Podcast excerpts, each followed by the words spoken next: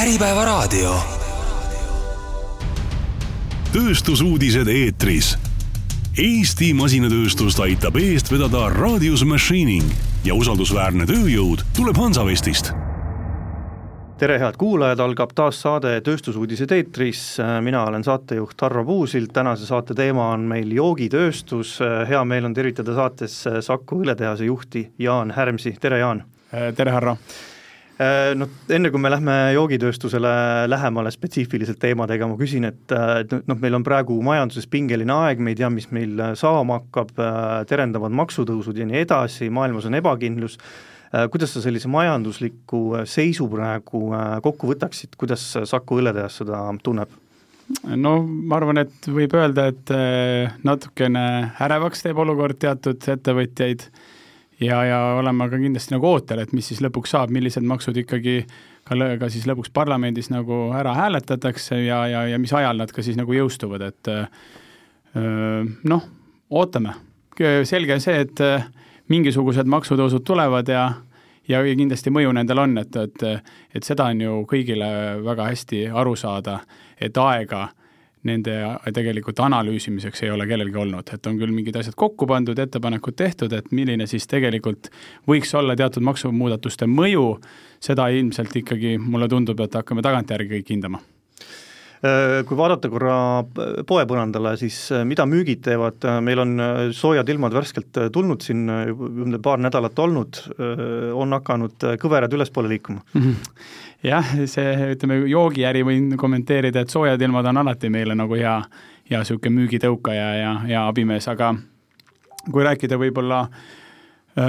noh, lihtsalt ütleme selle aasta alguse trendi, et seda aastat on jooksnud siin umbes, mis on neli ja pool kuud, et tegelikult on ikkagi mahulised, ehk siis nagu ma ei tea, koguselised müügid on alla läinud, turg on languses, tarbitakse noh, üldse tervikuna lahjasid alkohoolseid jooke vähem, seda me, need andmed on meil täpselt olemas,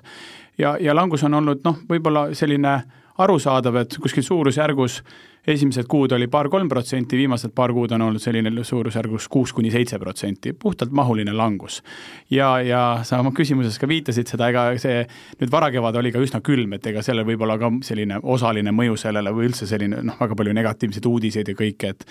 aga, aga noh, samas jällegi, kui nüüd ilmad lähevad ilusaks ja mai on hea ja võib-olla tuleb ka soe suvi, et siis me arvame ikkagi, et mahuliselt või koguseliselt see turg sel aastal jääb kindlasti üks kolm-neli protsenti nagu miinusesse, et elu lihtsalt ümberringi on niivõrd palju kallimaks läinud, rahalised vahendid kindlasti inimestel ja leibkondadel on piiratumad kui varem, et, et see noh, sellega me oleme arvestanud ja ja mis seal salata, ega siis meie tooted samamoodi on läinud ka ju kallimaks. et me saame tegelikult öelda, et, et kui meil on äh, valikus on, kui enne äh, inimene ostis lihatüki ja õllepurgi, siis täna ta nagu kalkuleerib, et, et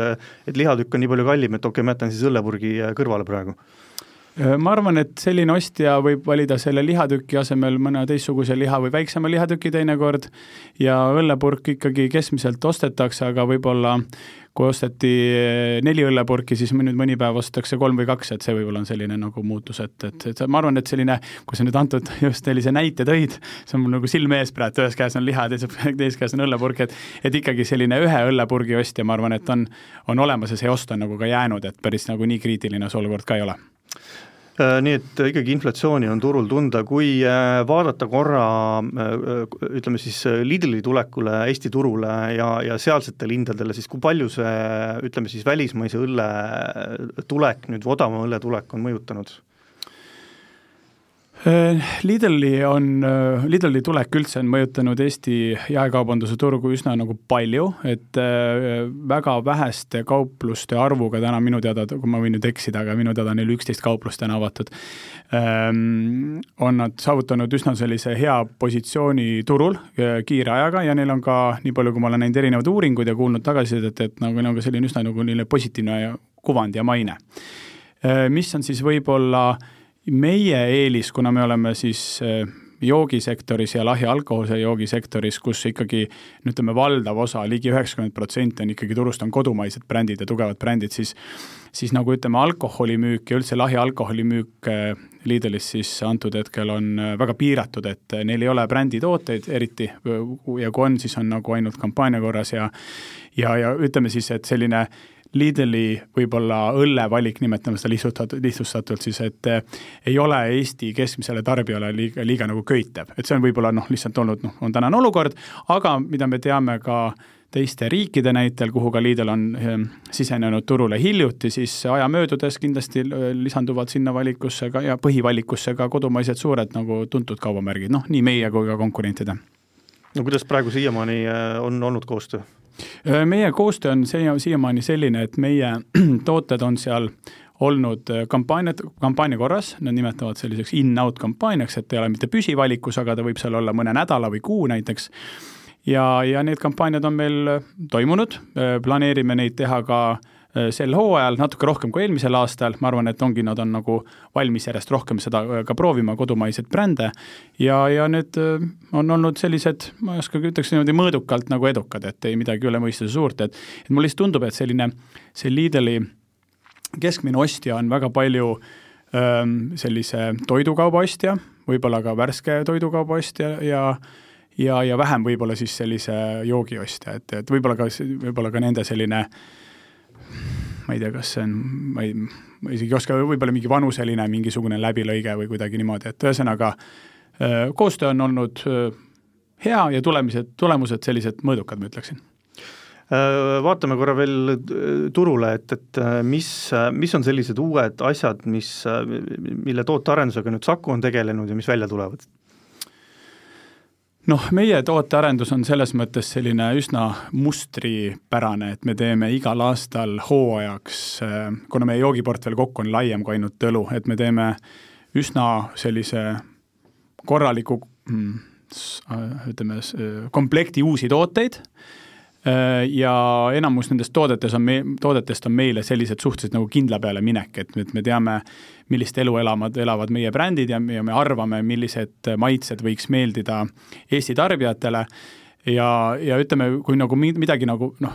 ütleme trendina ära mainida, et mitte hakata nüüd ühele või teisele õllemargile siin otseselt reklaami tegema, siis trendina kindlasti võib mainida seda, et et maitsõlled äh, on selline täna hetkel kasvav, äh, kasvav trend, äh, kindlasti väiksemad pakendid, et null koma kolmkümmend kolm liitrit on, tundub olema selline käepärane suurus, noh kindlasti nooremale generatsioonile, aga, aga, aga tegelikult ka vanemale siis on kindlasti alkoholivabad joogid ja ütleme, alkoholivabad õlled, õllekokteilid, kogu see suund, et see, see portfell endiselt kasvab, see turg nüüd eelmisel aastal oli stabiilne küll, aga ta on juba noh, märkimisväärse suurusega. ja, ja siis tegelikult kõik, mis on vesi, karastusjook, muu, et seal on siis sellised madalama suhkrusisaldusega ja ütleme siis, ma ei tea, vähesema maitsega või kuidas seda nimetada, et et need on ka sellised, ütleme, trendikad, trendikad suunad ikkagi viimased aastad olnud. aga see alkoholivabade õllede või ütleme, jookide turg, et, et see on nüüd, ma ütleks, et viimased kuskil kolm-neli aastat on see pidevalt nagu läbi käinud, et see trend on siis võimendunud ja võimendumas, eks ole? jah, see on ja ta on kasvanud, ta kasvas nagu väga kiiresti ja nüüd eelmine aasta, kui vaadata jällegi nüüd nagu kogu turupilti, see eelmine aasta oli ta nagu siis stabiilne, aga see stabiilne, ma ütleks, on nagu väga tugev näitaja, kuna ta oli nagu stabiilselt suur. et ja nendel on ka suvis, suve, ütleme, suve mõju on väga suur, millised on suveilmad, et eelmine aasta jällegi nagu see suvi oli meil selline umbes keskpärane, üle-eelmine aasta oli meeletult pikk, soe, kuum suvi, et ma ütleks, et sellise, selle pealt ka nagu, et eelmine aasta noh, sellised tulemused võiks arvata, et kui meil oletame ja loodame, et tuleb ilus soe suvi Eestis sel aastal, ma, ma väidan, et see segment turul ka sel aastal endiselt kasvab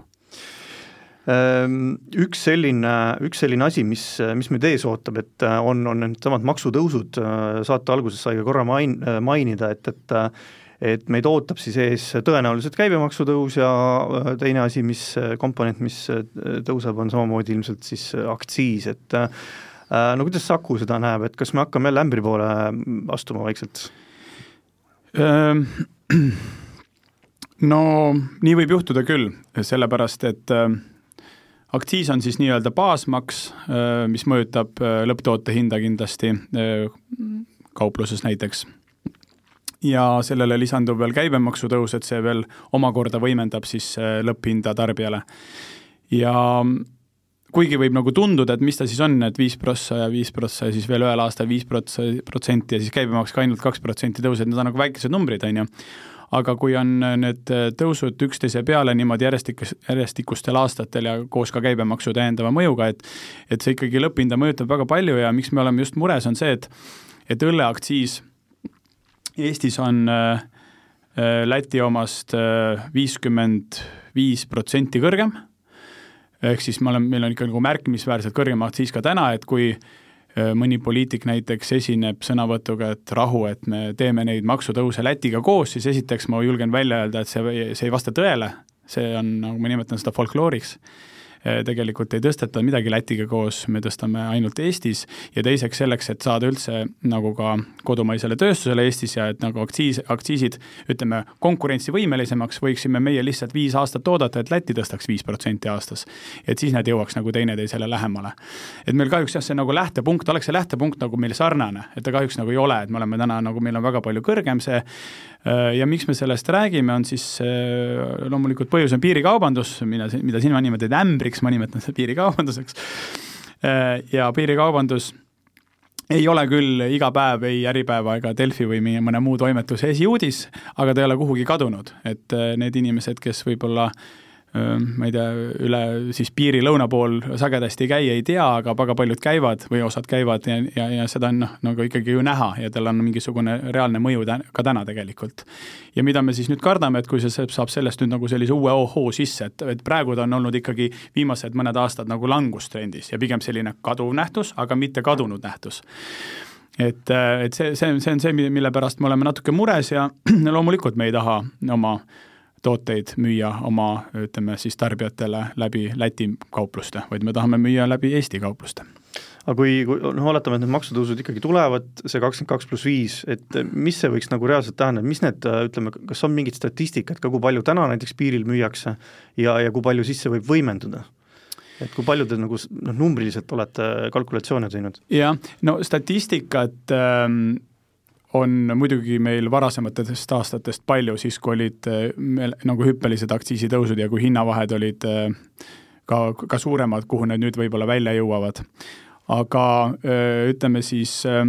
kui nüüd võrd-, võtta järgmise kolme aasta viieprotsendiline aktsiisitõus, sinna juurde kaks, kaheprotsendiline käibemaksu tõus, siis see viib juba maksu, maksudest tingitud vahe õlles siis Lätiga umbes kaheksakümne protsendi juurde, et sealt juba nagu selle baasmaksudena, mida sa ei saa kuskil midagi mõjutada, seal on kõik muud kulud on äh, muud. et äh, see on märkimisväärne vahe ja ja see, ütleme, tippaegadel oli see vahe kahe riigi vahel veidi suurem kui kaheksakümmend protsenti, aga ta on üsna nagu, nagu lähedal, lähedal sellele, et selles mõttes see on ikkagi väga suur ohumärk, see on siis antud juhul, kui Läti järgmise kolme aasta jooksul mitte midagi ei tee. Et see, et Läti järgmisel aastal midagi ei planeeri tõsta, seda me teame, Läti peaminister on selle avaldusega valitsuse nimel esi, esinenud, lätlased muidu hoiavad väga palju, väga nagu pöialt meie aktsiisi ja igasugustele maksutõusudele, nad näevad seal väga palju võimalusi oma ka noh, tegelikult ka oma turismile, majandusele, toitlustusele, kogu nendele sektoritele. Ja, ja kindlasti järgmine aasta nad ei plaani, plaani midagi teha, mida ja kas nad planeerivad teha järgmise kolme aasta jooksul või nagu järgnevatel aastatel, vot seda ma ju ei tea, eks ole aga, aga noh, ohukohta meil on ja, ja ma ütlen, et see noh, mõnes mõttes see on selline libe tee ja võib-olla nagu uuesti ämbrisse astumine küll, eks seda alles siis nagu näha äh, Kuidas turismi pool praegu paistab, kuidas äh, igasugused restoranid äh, ja see pool müüb? Äh, Horekas sektor, ma vastan siis niimoodi, Horeka sektori tervis praegu meie hinnangul on üsna hea, vaatamata kõigele, ja, ja seal on kuidagi niimoodi, et äh, kui nagu turg oleks nagu väga-väga hea, siis tekivad jällegi neil noh, olles nende oma klientidega rääkinud, tekivad järgmised probleemid, näiteks ei leita üldse ju tööjõudu, et käib mingi meeletu üleostmine, kedagi ei ole ja kõik on nii kallis, kokad või teenindav personal või kes iganes. et nüüd on selline, ma ütleks, et olukord hetkel on mõõdukalt hea, et äh, turg ei ole võib-olla mingi selline viimase peal hea, aga samas on võimalik leida ka tööjõudu ja, ja tegelikult te, teha täiesti normaalset äri, eelkõige nendel ettevõtjatel, kes on ikkagi sektoris kogenud, teavad täpselt, kuidas toimetada ja kes on ka tegelikult selle raske koroonaaega kuidagi üle elanud, ega ei saa unustada, et see Covidi kriis oli meil üsna hiljuti ja, ja paljud ettevõtjad said sellest ikkagi nagu noh, surmava löögi. et, et kõik, kõik need täna meil ju selles sektoris ei, ei, ei ei jätka, aga noh, vaadake Tallinna lennujaama, Tallinna Sadama statistikat, olukord on selline, ma ütleks, et mõõdukalt, okei okay,, meil tuleb väga palju suuri festivale sel aastal ka suvel, et see kindlasti nagu mõjutab omakorda positiivselt või ka spordisündmusi, et siin ma ei tea, ralli sel aastal veel ja ja korv, korvpalli olümpia eelkvalifikatsioon, noh, palju nagu, nagu näiteid, eks ole. Et ma arvan, et tuleb hea hooaeg, vähemalt mõõdukalt hea ja siis noh, natuke on alati sellist öö, ütleme, niisugust kuulujutte, et noh, et nüüd ei tea, mis siis keva- või vabandust, sügisel saab, et võib-olla tuleb väga raske talv jälle nii, aga noh, ma ei oska seda praegu nagu hinnata, et võib, kõigepealt tuleb võib-olla see hooaeg üle elada, siis vaadata kui püüda korraks hinnata, mida hinnad teevad ikkagi, et, et sõltumata sellest, et see maksutõus meil tuleb mitte, mitte kohe, vaid sinna läheb veidikene aega, aga millist inflatsiooni mõju praegu selleks aastaks võib veel ennustada, et, et palju maksab aasta lõpus õllepurk? Ma julgen ennustada, et aasta lõpus õllepurk maksab sama palju, kui ta praegu maksab. ja seda seetõttu ka, et isegi kui peaks olema mingi põhjus kellelgi oma siis tehase hindu või väljamüügi hindu tõsta, siis tegelikult need aktsiisitõus, käibemaksumuudatus tuleb juba jaanuaris ja see on üsna nagu varsti, et see on nagu mõistlik kogu ilmselt tööstusel ja ka kaubandusel teha kuidagi nagu samaaegselt, et et meie, meie ütleme, meie valdkonnas ja meie äris kindlasti ei ole tavapärane, et me neid hindu kogu aeg kuidagi muudame, et parem on teha ikkagi mingiks kas terveks hooajaks, pooleks aastaks, aastaks, niimoodi pikalt, pikemalt ikkagi neid nagu plaane ette ära, need hinnamuudatused on selline ka juba noh, administratiivselt ja töökorralduslikult selline suur, suur pein, et ma arvan, et õlle hind on poes siin pärast hooaega aasta lõpus sama või sarnane, nagu on täna ja kindlasti nüüd hinnamuudatusi on oodata uuest aastast, siis tulevad ka maksutõusud ja ja loomulikult ega ei tea ka sisendite poolt. et si-, äh, ma mõtlen siis tööstusele, tootmisele. et äh, mida teevad siis ju energiahinnad siin mingi perioodi pärast äh, kas ja millised on veel need sõja äh, siis mõjud äh, üldse tarneahelatele samamoodi ja, ja, ja kõik muud, muud, ütleme, kõik muud asjad kokku, et ütleme, materjalitransport, et seda nagu ei tea, et seda, seda meie näiteks oma ettevõttes ka me hakkame alles vaatama nagu hooaja lõpus, sügisel ja siis teeme nagu vastavaid plaane järgmiseks aastaks, kui tulevad kõik need toorainete ja materjalide lepingud ja niimoodi, et et noh, noh, me ikkagi nagu sellist nagu hinnastust teeme selle baasilt, mitte ainult maksumuudatused, kuigi need on selged ja hästi lihtsasti nagu ka arvutatavad ja selgitatavad, aga ka kõikide sisendite pealt äh, kokku äh, üks suur muudatus, mis nüüd äh, tuli või, või mis on samamoodi aktuaalne, on ju pakendiseadus ja ütleme, need muudatused on ka teil pikaaegselt planeerimisel ja, ja mõtlemisel, üks oluline muudatus, mis on ju järgmist aastat puudutab, on ennekõike ju korkide teema, et, et kuidas selleks valmistunud olete? Äh, jah, äh, vastab siis tõele, et võib-olla kuulajatele ka, kes sellest ilmtingimata ei tea, et see on siis see supi direktiiv, single use plastic, et seda siis ühekordset plasti üldse vähendada ja plasti siis äh, ütleme siis sattumist loodusesse või nagu jah, ma ei tea, maailma merre. et joogitööstusel tähendab see siis seda, et kõik plastpudelid millel on peal plastkork, et need korgid peavad siis sinna mingil moel nagu niimoodi kinni või rippuma või ma ei tea, noh, niimoodi jääma, et nad ei tule sealt nagu lahti ära, et neid ei ole võimalik kuidagi siis eraldi kas siis pandiautomaati tagastada või ma ei tea, ära visata. ja meile tegelikult see ei ole, ei olegi üle mõistuse keeruline, loomulikult me peame kõikide kor-, korgitarnijatega kohtuma, aru saama, kellel on üldse meile mingi sobiv lahendus pakkuda ja seal laias laastus on siis äh, valikuid kaks, et kas me peame minema täiesti uut tüüpi korgile üle, nii et me peame ka reaalselt mingitesse seadmetesse investeerima, või on variant, et me saame kasutada olemasolevaid seadmeid oma villimisliinil, lihtsalt me vahetame need korgid ära, et ole, on ta siis sama tarnija või teine tarnija, aga lihtsalt, et sama masin keerab siis ütleme, mingit teist tüüpi korgi peale. Ja ütlen ära, et meil ei ole veel lõplikku lahendust, me töötame täna mõlema alternatiiviga, meil on veidi aega ja loomulikult me eelistame sellist, et me investeerima ei peaks, sest et kui meil on seadmed olemas, mis saavad seda teha, siis me võtame lihtsalt teist tüüpi korgi ja neid pudeneid siis korgitootjate poolt ka neid pakkujaid on ju palju, et me siis nagu nendega järjest siin praegu kohtume ja ja tegelikult kogume näidiseid, et noh, ise katsuda, proovida, aru saada, kuidas ta siis on, et et oluline on ju see, et ta oleks ka tarbijale mugav, et sa saad ta ikkagi normaalselt lahti, isegi kui ta sinna jääb, et ta tõesti siis sinna jääb ja tegelikult tahaks ikkagi nagu taas sulgeda äh, ajutiselt, kui sa siis kogu siis toodet korraga ära nagu ei ei tarbi ja, ja, ja need lahenduse, selle lahenduse me kindlasti nagu leiame, et et tegelikult ma ise ka Euroopas reisides, ma olen juba mitmel turul ju tähele pannud, et on juba need lahendused olemas osadel tootjatel, isegi ma ei tea, viimati vist kuskil Itaalias meenub üks mingi veepudel, kus samamoodi see kork jäi lihtsalt sinna külge niimoodi sellise ühe plastist tükiga niimoodi rippuma, et see kulu muide meie jaoks veidi tõuseb, aga mitte väga olulisel määral, et sest et ikkagi see uus lahendus on mingil moel selline, et seda plasti läheb siin natuke rohkem. aga noh, ta ei ole nagu ütleme, toote lõpphinnast ta ei ole märkimisväärne, aga noh, mingid tuhanded eurod muidugi kuskilt otsast juurde ja selle asja juures on ka teine pool, et kui me võtame näiteks plastpudelid, siis üks selline suund on ikkagi plasti, kuidas ma ütlen siis, plasti vähendamine, samamoodi siis looduses, ja, ja siis selle ütleme siis recycle itud või, või taaskasutatud plasti kasutamine siis mingis ulatuses siis pudelites kuni kolm liitrit, kuidas see teid mõjutab? no see mõjutab seda, et me jah, me ütleme siis äh, mingil hetkel, see oli vist aastast kaks tuhat kakskümmend viis, peab olema, kui ma õigesti mäletan, kolmkümmend protsenti oli see vist, eh, peab olema siis igas plastpudelis juba taaskasutatud sama plasti. ja see tähendab siis seda, et seda uut plasti eh, me, ütleme meie, üldse, et kõik tootjad ei saa nagu osta, et peame, mingi osa peab olema kogu aeg sellest vanast plastist eh, toodetud. see tähendab noh, seda, et ikkagi öö, vajadus öö, süsteemide järgi, et see, see pakend puhtana ringlusest kokku koguda, kasvab ja meil Eestis on väga hea süsteem pandipakendi näol, mis enamuse umbes üheksakümmend protsenti sellest puge, pudelist kõik kokku kogub ja need on väga hästi sorteeritavad ja ja nad on puhtad on, aga paljudes Euro-, osades Euroopa riikides täna seda süsteemi veel ei ole, et kindlasti see loob väga suure surve Euroopas nendele turgudele, kus seda pakendit täna nagu selgelt ei, kas ei sorteerita või puhtana kätte ei saa, see on üks asi, aga Eestis meil on nagu, nagu selles osas kindlasti eelis, me saame selle pakendi nii kätte, et me saame kindlasti see kolmkümmend protsenti selles igas pakendis, uues pakendis kasutada, aga teine, mis on siis veel, et kui nüüd kuulaja praegu mõtleb, et ta on keskmises oma lemmiksupermarketis seal joogiriiuli ees, siis äh, plastpudelid, sõltumata, kas ostad sealt siis mingit oma lemmiklimonaadi või vett või minu pärast energiajooki, äh, siis nad on erineva värviga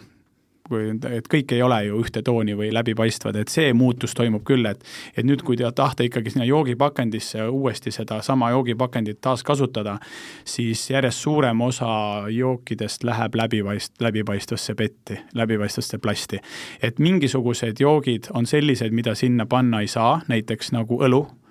et õlu äh, või noh, ütleme reeglina õlu, äh, õlle, õllepakend ikkagi peab olema valguse eest kaitstud ja ta on kas siis tüüpiliselt pruun või tumeroheline võib ka olla. Et seal võib, seal on võib-olla küsimus tulevikus üldse selline, et kas siis neid üldse saab nii palju kätte, nii palju siis sorteerida, et uut sellist pudelit teha, või siis on see, et ei peagi plastpudelis õlut üldse nagu olema, et meil on olemas klaaspudelis õlu ja purgis õlu, et võib-olla see plastpudelis õlu on nagu, see tulevik võib-olla ei olegi nagu ilmtingimata nagu vajalik, ma ei oska nagu öelda, aga muu, muu küll, et kui võtta kogu karastusjoogi ja veeturg, mis on valdav osa plasti tarbimisest siis joogitööstuses, siis ikkagi läbipaistev plast on see, mis on tulevik, ma arvan, noh, peaaegu kõikidele toodetele, brändidele, mõninga erandina, seal, seal noh, ütleme, saad on kindlasti võimalusi, aga see on kindlasti kindel suund. kui korra üldse äh, selliste pudelite või, või taara peale jutt viia, siis äh, mõnda aega tagasi oli meil ju, äh, oli purgikriis ja oli klaaspudelikriis, kuidas need pudelite kriisid nüüd lahenenud, lahenenud on? väga hea küsimus. Ähm, purgikriis on lahenenud ja purgikriis oli tegelikult ikkagi ajutine Äh, tarneahelatest ja transpordist ja kõige, ma ei tea, kõige seiskumisest äh, mingi kriis, mis kestis siin mõned kuud, äh, sellest vist on juba kaks aastat möödas, see sai lahendatud ja ja hetkel nagu näeme, et seal huh, õnneks ei ole mingit kriisi olnud, ei ole ka nagu tundub, et tulemas, et selle, sellega on korras ja ma ütlen veel ära, miks see meil on hea, et õlleturus, õlle tarbimisest Eestis seitsekümmend protsenti tarbitakse ära purgis, et on ikkagi nagu valdav pakend, nii. ja klaaspudeli kriis on muidugi otseselt sõjast tingitud kriis meie ja, ja ka paljud teised tootjad, noh, mitte ainult Eestis, Euroopas, äh, saime väga suure osa oma klaaspudelitest tühjadest, äh, nii Venemaa kui ka Valgevene tehastest, kellega koostöö otsustati juba aasta ja võib-olla mõned nädalad tagasi lõpetada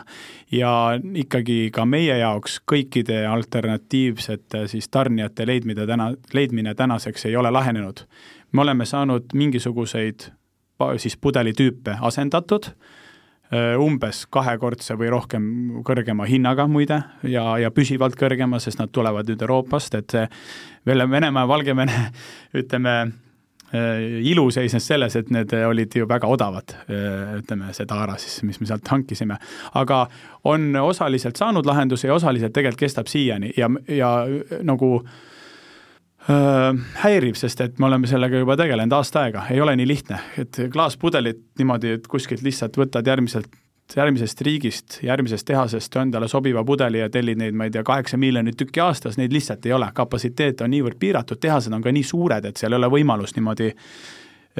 noh, nagu kiiresti reageerida, kiiresti ka oma seda tootmisvõimsust laiendada, investeerida, et see võtab nagu väga palju aega. ja, ja noh, loomulikult ka sellest, et, et oleks see probleem ainult tekkinud, ma ei tea, Sakul või ainult Eesti tootjatel, aga probleem tekkis ju kõigil samaaegselt. et väga palju tootjaid oli, väga palju ettevõtteid, kes otsustasid, et põhimõtte pärast nemad enam Venemaalt ja Valgevenest taarat ei telli ja hakkasid kõik samaaegselt otsima. aga noh, samal ajal on ka osasid, kes ju endiselt sealt kuskilt nagu tellivad, et neid jäi ju ka veel alles, aga oleme lühidalt kokkuvõttes elamas järg-, jälle sellist hooaega, kus meil kõiki klaaspudeleid, mida me tahaks, piisavas koguses ei ole, aga meil on tehtud plaanid selliselt, et äh, ma nagu ütlesin ka eelmisel aastal samamoodi, et kõik oma lemmiktooted Eesti tarbijad leiavad poest kindlasti üles, küll aga, ja mõni võib-olla juba ka tähele pannud, et seda lemmiktoodet ei ole enam saadaval klaaspudeleid, vaid on näiteks purgis kui äh, Valgevene ja, ja Venemaa nüüd nii-öelda nagu ära kadusid, et ei tarni mm -hmm. enam, siis äh, mis need, ma saan aru, need on erinevatest kohtadest, erinevatest tehastest mm, -hmm. aga, aga mis need näited, mis riigid need on, mis, kes täna asendavad siis äh, Venemaad ja Valgevenet? No kellel on väga suur õnn saada tootmismahtu Järva kandist, on, on, on, on hea uudis siis on Leeduses on see Kaunas Stiklai näiteks selline tehas, sealt, sealt tuleb meile päris palju taarat. Siis äh, osaliselt meie rahvusvahelistele brändidele, näiteks Tuborgi õlu, mida me toodame siin Eestis, tuleb meil üldse Serbiast, ühest tehasest. Ja vot selle hinna, ma mainisin enne seda hinda ka, et äh, selle hinnaga on selline teema, miks mul nagu, see on praegu tuli lihtsalt meelde, aga ma mainisin, et et üks on nagu see tehase hind, aga nüüd, kui sa pead näiteks seda tooma ma ei tea, Sankt-Peterburi asemel näiteks kuskilt Belgradist või ma ei tea, kuskilt veel kaugemalt, ma ei, ma ei oska öelda, võib-olla ütleme, ma ei tea, Hispaaniast näiteks, siis see transpordi osa muutub nagu niivõrd nagu oluliseks, kuna ta on, on raske, sa pead teda mööda, ilmselt mööda maad tooma rekkaga, et ta ikkagi nagu selle tõttu on ka kalline, mitte see, et tehase tehas ja see tootmine oleks märkimisväärselt erineva hinnaga, ikkagi nagu see transpordi osakaal ka ja ajaline mõõde ka, et ikkagi tuleb sealt ikkagi päris mitu päeva. et tähendab, et on on alati hea, kui leida need alternatiivid muidugi füüsiliselt lähemalt, et see nagu, nagu nii palju kuluefektiivsem lihtsalt. Ja noh, keskkonna mõttes juba ka, et noh, neid transportida üle Euroopa ühest otsast teise niimoodi, et noh, aga noh, nii ta on. No eks see on niisugune koguse asi ka, et, et noh, lihtsalt nagu tühja ta-, mis, mis võtab nagu rekka peal ruumi ka, eks ole, selle transportimine lihtsalt ei olegi mõistlik, kui see on noh, see kogus ei saa olla väga väike, on ju. jah, aga noh, nii ta paraku nagu meie äris on, et mida see tegelikult tähendab, on see, et nagu need klaaspudelis tooted ikkagi, ma arvan, ka tulevikus poes hakkavad noh, ongi, hakkavad püsivalt olema võib-olla veidi kallimad ka kui purgitooted, et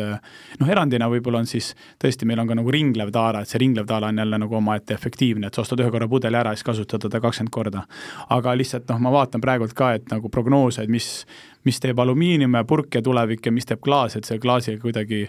mul on niisugune tunne, et need klaasitootjad väga ei suurendagi oma võimsuseid ja võib-olla see ei ole ka mõistlik, et nad lihtsalt nagu ütlevad, et me toodame seda, mis on ja hinnad on kallimad iga aasta. mul on endal nagu niisugune mulje jäänud, aga ega ma lõpuni välja seda äri ei tea ka, et võib-olla või, või, võib-olla ka eksin selge, äh, räägime natukene ekspordist, et kui me toome korra sellesama näite Venemaa või Valgevene, siis äh, üks asi polnud mitte ainult äh, pudelite ostmine sealt, vaid teine pool oli ju selle, selles loos ikkagi ka müümine sellele turule, mis ju ka katkes eelmine aasta, vist oli augustis see teade tuli välja, kui kui Saku enam ei müünud, et kuidas see Vene turu katmine on müügi mõttes õnnestunud? Me tegelikult lõpetasime sinna müügi ära märtsis ehk siis üsna nagu kiiresti, aga see ei ole nüüd oluline. meie müügitegevus Venemaale on praegu null, alates eelmise aasta märtsist ja ütleme, isegi võimalused oleks, see ei ole nagu kuidagi keelu all ei ole, meil ei ole mingit keeldu sinna müüa iseenesest, minu, täna pärast, minu pärast tahad tooda õlut ja müüa, lihtsalt me oleme niimoodi otsustanud, et me seda praegu ei tee. ja, ja kas me kunagi teeme ja mis tingimustel, ma ei oska nagu öelda, aga meil oli ta kindlasti suur äh, suur löök, kuna ta oli väga suur eksporditurg meie jaoks. meil oli seal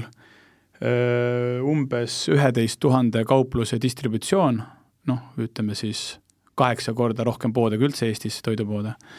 ja, ja me olime seal hästi listitud ja ta oli meile suur äri, me olime küll seal alguses kahe pärast ühe tootega, aga seal isegi toodete arv ei ole oluline, see üks toode on nagu piisav, piisavalt suur, kui selline distributsioon saavutada.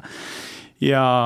ja see kukkus meil ära ja, ja noh, ütleme see nagu äri jäi sinna, pigem millega me oleme pärast äh, seda tegelenud aktiivselt, et saada ikkagi kasvatada noh, muid olemasolevaid turge, kas siis mõne uue tootega või kuidagi muud moodi mingi promotsiooni korras. ja tegelikult leida uusi, uusi turge, et meil on ikkagi kogu aeg, noh, me oleme, me oleme ekspordis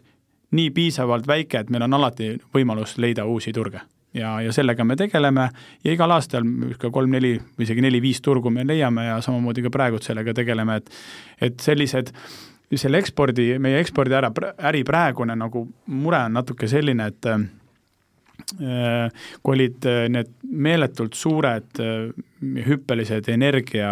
hinnatõusud ja tootmine läks tegelikult reaalselt kiiresti palju kallimaks, siis Eestis ei olnud äh,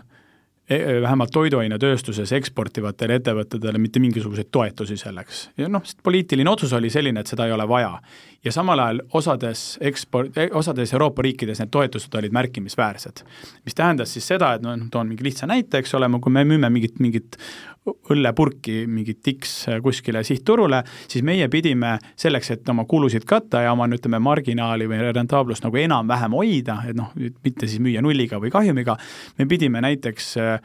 kolme-nelja kuu jooksul tõstma hinda kolmkümmend kuni nelikümmend protsenti, kuna seal ka nagu need, ütleme, hinnatase on nagu madalam, et madala baasi, madalama baasi pealt. ja, ja, ja selleks toetusi ei olnud, samal ajal kui mõni, mõni teine riik, kus olid vastavad toetused, ütles, et näed, et tal on ka samamoodi sama mingisugune maaletoe distribuutor, sai jätkata seda näiteks müüki sama hinnaga, kaotamata ise marginaali. et meil on ikkagi need ka oma öö, tootmishinna kulude tõus lühikese aja jooksul eelmise aasta lõpus oli noh, niivõrd nagu äh, noh, häiriv äh, faktor selleks, et ekspordimüüki kasvatada, et meil eelmine aasta kokku ekspordimüük, kui nüüd see Venemaa välja arvata, oli siiski, kuna meil oli hea nagu hooaeg ka ja niimoodi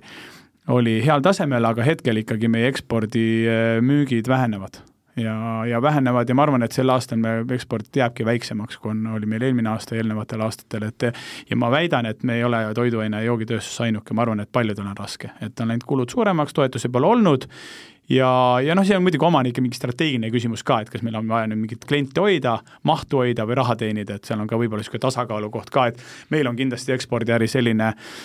nagu lisakanal, kus me ikkagi peame mingisuguse miinimummarginaali tellima, et me lihtsalt sellepärast ei müü kuskile Hiina, et oleks nagu tore heategevus teha, et kui me sealt raha ei teeni, siis me sinna ei müü, et me ikkagi peame nagu raha teenima. kas mingeid äh, täiesti uusi turge on ka silmapiiril või midagi, mingi, midagi on avanemas, midagi on tulemas, äh, mingid uued riigid või praegu veel ei ole selle, selles mm, vallas? no ma ei oska, no ütleme võib-olla, mis on üks selline nüüd jälle no, selline piirkond, mis on jälle nagu avanenud ja noh, huvipakkuv on kõik see Vahemere-äärne, ütleme ka kõik need saared seal ja Kreeka, ütleme kas või Küpros ja kõik, mis on mingid turud, mis olid koroonakriisis, et kuna nad sõltusid väga palju turistidest ja meil olid seal oma sellised, sellist teatud tüüpi kliendid, kes siis selleks turismihooajaks nagu ütleme, enne hooaega kolm, umbes kolm kuud tellisid väga palju ja, ja talvel oli vaikus, on ju. et need kadusid siin vahepeal ära, need on nagu tagasi tulemas, et võib-olla jällegi nagu seda piirkonda vaadata ja seal leida need kontaktid üles, kes sinna, kes on seal nii-öelda ärina ellu jäänud, jäänud ja et on sinna võimalus jälle nagu müüa ja, ja vaadata ikkagi ka õlle kategooriast nagu kaugemale, et, et täna, et äh, õlu on meie põhi, põhikategooria äh,, aga ikkagi äh, siidrid, ütleme, mm, longerad või sellised kokteilijoogid, isegi energiajoogid, et võib-olla need on täna selline võimalus meil isegi seda eksporti rohkem kasvatada, kui noh, meie, lisaks meie siin nagu põhitootele, põhikategooriale ehk õllele tuleme äh, korra tootmispõrandale veel, et, äh, et, et noh, probleemid, mis on siin tootjaid kimbutanud, on energiakriis ja endiselt räägitakse ju ka tööjõukriisist, kuidas teil energiaga praegu on, kuidas tööjõuga praegu on? energiaga on meil nii, ma arvan, laias laastus nagu ka teistel, et energiahinnad on ju oma tipust, siis ma tuletan meelde, väga kõvasti alla tulnud Äh, meil on äh, suur osa, ütleme, kus meil siis läheb energia peale raha, on äh, gaas, et elektrikulu ei ole meil nagu absoluudina nii märkimisväärne, et see nagu su-, noh, ütleme muidugi mõjutab, kui elektri hind tõuseb kümme korda, aga ütleme, ta ei ole nagu niivõrd suur osa, pluss meil on äh, väga suur päikesepark meie kõikidel katustel, et me saame nagu mingisuguse osa energiat juba sealt elektrit sealt kätte. Äh, aga mis on suur ja väga suur kuluallikas meil ka nagu absoluutrahas on gaas ja gaasiga me tegime siis sellise muudatuse, mida minu, minu teada paljud toiduainetööstused täna on juba teinud, ehk siis meil on torugaasi alternatiiv on vedelgaas ja me saame siis vastavalt sellele, et milline on kas saadavus või hind, me saame suhteliselt operatiivselt neid nagu ühelt teisele lülitada. ja kui sa küsiks, et mida me hetkel kasutame, me isegi nagu ei tea, aga me kasutame seda, meil on mõlemale alt, mõlemale alternatiivile on oma leping ja, ja ka tarne tagatud, et siis me saame vajadusel siis kasutada ühte või teist, et, et energiaga ma ütleks, on olukord täna väga rahuldav ja super hea on ta siis, kui hinnad oleks tagasi siis seal, kus nad kunagi olid, aga seal nad muidugi ei ole ja ma arvan, et ei tule ka lähiajal, et lihtsalt ongi stabiilselt nüüd nagu natukene kõrgemal tasemel ja tööjõuga on, ma just äh, küsisin seda, äh, sellest on võib-olla kaks või kolm nädalat nüüd möödas oma laojuhi käest just, äh, et kuidas meil olukord on, et meil on alati selline korra selline ärev hetk varakevadel, kevadel, kas ja kuidas me leiame lattu tööle hoo, just nimelt hooajatöölisi või noh, hooajaks nagu täiendavalt tööjõudu. ja aasta alguses oli, kõik oli nagu väga hea, et no me kuulutasime ja meie koostööpartnerid, kes aitavad meil töötajaid leida ja mõni rendi, rendifirma ka ja et tõesti nagu oli nagu viskas kõvasti peale, oli nagu suur huvi. ja ta ütles just mulle mõni nädal tagasi, Jaan, midagi on nüüd muutumas, ma ei tea, kellel kust läheb midagi hästi ja mida nad, keda värvatakse ja mis palga eest, aga praegu läks nagu hästi vaikseks. et seal me elame ka, meil on väike turg, on ju, ja me oleme Tallinna lähedal, et see, seal nagu, seal vahepeal muutub nii kiiresti nii palju, aga no ütleme niimoodi, et eh, hetkeseisuga on meil hooajaks noh, praktiliselt kõik töötajad olemas ja no muud vabad vakantsid ka, kes siis ütleme, keda võib-olla parasjagu ei ole, aga me noh, me leiame, et me ütleks, et tööjõuturg on üsna heas olukorras minu arvates praegult, et mingit, nagu ma ei näe mingit kriisi ühte või teistpidi, et esiteks on töötajaid võimalus leida ja teiseks meil on võimalus maksta nendele ka konkurentsivõimelist palka, et äh, palgad on veidi kõrgemad kindlasti kui eelmisel aastal, aga selliseid ütleme, võib-olla superoptimistlikke ootusi, mida ka ütleme, antud foon nagu lõi selleks, et noh, mõelda selle inflatsiooni tempole, mis on olnud, et et selliseid, selliseid palgatõuse muidugi ei ole, ma arvan, ükski ettevõtja, võib-olla mõne erandina, aga ka teinud, et palgatõusud olid, aga palgatõusud olid nagu, olid mõõdukad ja, ja täna me arvame, et meil on konkurentsivõimelised palgad sektoris. kas selle aasta palgatõus on tehtud juba? on küll, jah ja, ja see on nii-öelda eelarvestatud, et järgmine aasta on, on sama, et, et see on ikkagi nagu ütleme, see on nii kosmeetiline asi, mida tuleb lihtsalt iga aasta teha. see jah, see on selline nagu hügieeni küsimus, et me teeme seda üsna nagu professionaalsel meetodil ja mõni, mõnele töötajale võib-olla see ei meeldi, sellepärast tema arvab, et see tema palk ei ole üldse professionaalselt nagu see number tuletatud, aga meil on ikkagi, osaleme ise palgauuringutes, me võtame kolmelt erinevalt palga, palgauuringu büroolt või jah, ütleme selle nagu analüüsi, turuanalüüsi, meil on kõik ametikohad kaardistatud ja, ja hinnatud vastavalt tasemetele ja ja noh, vähemalt seal siis nagu ütleme, me saame need vahemikud, et päeva lõpus igaühe palk on siis mingisugune e-, eraldi individuaalne otsus, aga aga läbi selle meil on üsna adekvaatne pilt ikkagi sellest, milline on palga, millised on palgatasemed Eesti turul, milline on see dünaamika ja vastavalt sellele meil on ka siis olemas ütleme, metodoloogia, kuidas teha otsuseid kui rääkida investeeringutest, no iga aasta Saku on äh, ühte-teist ikkagi investeerinud, plaane on, äh, kuidas investeeringud plaanis on praegu? investeeringud meil järgmisel, äh, me tegime just niisugust pikemat plaani ka ja kõike väga pikalt ette nagu ei teagi, aga meil on hetkel plaan investeeringuid järgmistel aastatel veidi vähendada ja mitte sellepärast, et äh, oleks mingeid äh, erilisi riske või kuidagi mingit paanikat, vaid me oleme päris palju investeerinud, et meil on äh, olnud investeeringud suures mahus terve rida aastaid tegelikult, vist võib-olla üks aasta oli mingi vaheaasta selline, aga ikkagi oleme julgelt investeerinud väga palju seadmetesse, ladudesse, meil on nii palju uut ja, ja tehnikat ja seadmeid, et et meil on nagu äh, ütleme, meil nagu oma baastegevuse jaoks ei olegi neid investeeringuid rohkem vaja. Ja siis meil on sellised projektid, mida me oleme jätnud nagu niimoodi noh, kas tagavaraks või selliseks hetkeks, et kui võib-olla ongi mm, kuidagi majandus või või äri või eksport näiteks äh, väga hea, et siis me teeme neid võimalusel, et kui midagi väga õnnestub, et meil on siin noh, meil on oma administratiivhoone, mille võiks, ütleme, väljast moderniseerida, sest ta on mingi viiskümmend aastat vana umbes, on ju, ja siis meil on vana pruulikoja koda, mida me tahame korda teha ja meil on siin ka veel ühe laoga üks mõte, noh, meil on nagu mingid noh, teatud asju on, aga selliseid lisaprojekte, aga need ei ole ükski selline, et kui me nüüd seda sel aastal või järgmisel aastal ei tee, siis mitte midagi ei muutu, tarbija saab oma toote poest täpselt samasuguses pakendis sama hinnaga ja sama kvaliteetselt kätte. et, et kõik põhi, põhi, põhitegevusega seotud olevad investeeringud, seadmed, müügiseadmed äh,, tootmisseadmed, lao, lao äh, sisseseade, kõik, kõik need on meil nagu, nagu piisaval tasemel, et seal ei ole küsimust. ja teeme uusi investeeringuid, äh, kas oma siis ütleme mujal territooriumil või ka ütleme toote, ütleme siis toote arendusse siis, kui tekib turul selleks nagu võimalus, et loomulikult neid, neid kohti me ka kogu aeg vaatame. aga sellist äh, nii-öelda sellel aastal mingisugune näppudel üles lugeda, et see, see, see projekt, et noh, päris niimoodi see ei ole, et, et et noh, majad ei renoveeri praegu, on ju, ja, ja nii edasi, et, et selliseid nii-öelda konkreetseid asju praegu sellel aastal laual ei ole? ei ole konkreetseid suuri asju jah, kuna me oleme jah neid suuri asju ja ka neid keskkonna ütleme, projekte nii palju viimasel ajal teinud ja, ja nagu suures mahus, et hetkel sellist midagi suurt ei ole, et ma, järgmise aasta investeeringute kava on selline basic maintain, hoia asju nii ilusti normaalselt töös, need, mis on aegunud, tuleb uuendada ja ei midagi suurt ja erilist et noh, mõnes mõttes on hea seis, et äh, varem on äh, investeeringud tehtud, et ei peagi, noh väljaspoolt võib jääda mulje, et nüüd on ettevaatlikkuse tõttu investeeringud maha tõmmatud, aga teil on natuke teine lugu, et ikkagi investeeringud on lihtsalt varasemal, äh, varasematel aastatel nii suures mahus tehtud, et pole lihtsalt vaja. meil ei ole sellises mahus hetkel vaja investeerida, nagu me oleme viimased aastad teinud aga ütleme, kui olukord on, ma kordan nüüd vist üle, et kui olukord on nagu väga kuidagi soodne, meil on, turg on hea, suvi on hea, head tulemused, brändid on, ma ei tea, eksport kasvab, et siis võimalusel meil on küll sellised äh, projektid varuks, et äh, mida me ära taha, teha tahame, aga need ei ole kuidagi nagu ärikriitilised, et nad ei ole nagu hetkel olulised, vaid need on lihtsalt nagu noh, mingil ajal olulised ära teha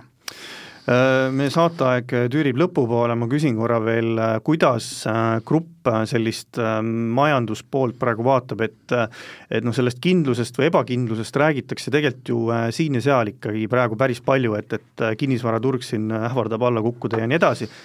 milline on grupi selline baasstsenaarium, mis majanduses juhtuma hakkab? et mis, mis teil täna või mis tasandil täna arutate majandust ja, ja, ja kus on need stsenaariumid või millised stsenaariumid te olete läbi arutanud? Meil on, meil on äh, omanik äh, peakontoriga Kopenhaagenis, Taanis, mis on äh, üsna hea sellepärast, et nad ei ole kuskil teisel pool maailma või nad on ikkagi üsna nagu ka geograafiliselt ja füüsiliselt lähedal ja nendega on hea dialoogi pidada, sest nad saavad asjadest aru. et sa mainisid ka inflatsiooni olukorda või keskkonda, et, et, et siin mingi hetk tagasi veel oli natuke keeruline selgitada, et miks meil on inflatsioon kakskümmend protsenti ja Põhjamaades on kaks aga see läheb kergemaks, sest Põhjamaad on ka kuskil seal kümne lähedal juba. et, et see on nagu, see on nagu positiivne. ja meie omanikel on olnud nüüd ma ei tea, mitu viimast aastat, aga, aga palju aastaid äh, mõistlikud ootused meie tulemustele, nad saavad aru sellest turust, muidugi see on nagu omanike ja kohaliku juhtkonna vaheline dialoog kogu aeg, aga nad saavad aru sellest turust, milles me tegutseme, see majanduskeskkond, millised on selle mõjud Äh, ja, ja nendel on, ma ütleks, et väga realistlikud äh, ootused ka nagu tulemustele, et, et omanik on siin ikkagi siia investeerinud ja siia tulnud nagu väga pika vaatega, et äh, ja omanik ei ole ka otsapidi kuskil üleval keegi era, eraisik, kes ütleks, lööks rusikaga lau-, vastu lauda, ütleks, et where is my money, et pigem on niimoodi, et me ikkagi peame navigeerima praeguses majanduskeskkonnas, kus tõsi, on teatud riske,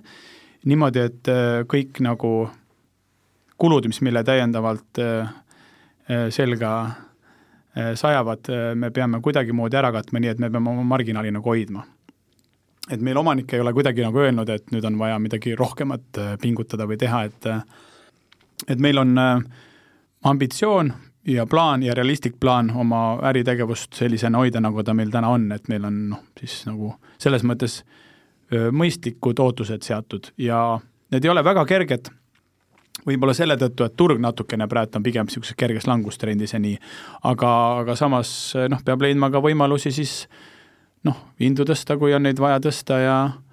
ja, ja võib-olla ka nagu siis konkurentidest kavalam olla, et natukene kallimaid tooteid rohkem müüa või kasumlikumaid tooteid rohkem müüa või või, või, või ka või ka jah, või ka siis ma ei tea, ekspordivõimalusi leida. aga mingit sellist äh, suurt kollapsit siin äh, nagu näha ei ole, et see nagu ei ole, ei ole praegu nagu selline no vaata, ma olen, ma olen selleks, selleks dialoogiks väga vilets partner alati, kuna ma olen optimistlik inimene, et et neid kollapseid, kui tahta otsida, siis neid võib ju igalt poolt ju leida, et kogu aeg on ju võimalus vaadata, piisab sellest, et kui iga päev uudiseid lugeda, siis üks kollaps ajab teist taga, et ma nagu äh, naljaga pooleks võin öelda, et meil on ju õnneks selline toode, et meil on, äh, meie toote järgi on äh, nõudlus alati olemas kuskil et ähm, ja, ja kui nagu mingi konkreetse toote järgi see nõudlus hakkab kahanema, siis me peame leidma selle võimalusi, milline see võiks olla selle toote mingi alternatiiv, et noh, mingid teistsugused joogid ja nii, et et ma nagu jah, sellist kollapsit ise kuskilt ei näe, aga kindlasti olukord ei ole lihtne, sellepärast et inimestel ikkagi nagu nii-öelda seda vaba raha, selleks, et osta sinna lihatüki juurde see üks õlu, mida sa enne näitena tõid, on kindlasti vähem ja on järgmised paar aastat vähem, et sellel on oma mõju, et ma ei taha siin üldse nagu kuidagi mingi mingit nagu niisugust äh, kehva nalja teha, aga, aga ma usun ka seda, et me tuleme sellega toime ja ja ikkagi see, et see Covid äh, mingil moel praegu nagu läbi sai, see on ju väga suur asi, et me ei saa seda ka ära unustada, minu meelest see aeg oli ikkagi noh, üsna selline, nimetame seda siis nagu eriliseks, et praegult on nagu noh, kellel on käed-jalad küljes, on, saab tööd teha ja saab reisida ja võtame turistid ka kõik vastu ja majutame ära, isegi kui see on kallim ja ja müüme nendele õlut ka toidu kõrvale. kas huvi pärast küsin, kas mingisugune Covidi pärand ka veel Saku õletehas on, kas näiteks maske tuleb kanda endiselt või on see ära kadunud? see on ära kadunud, küll aga ähm, kuna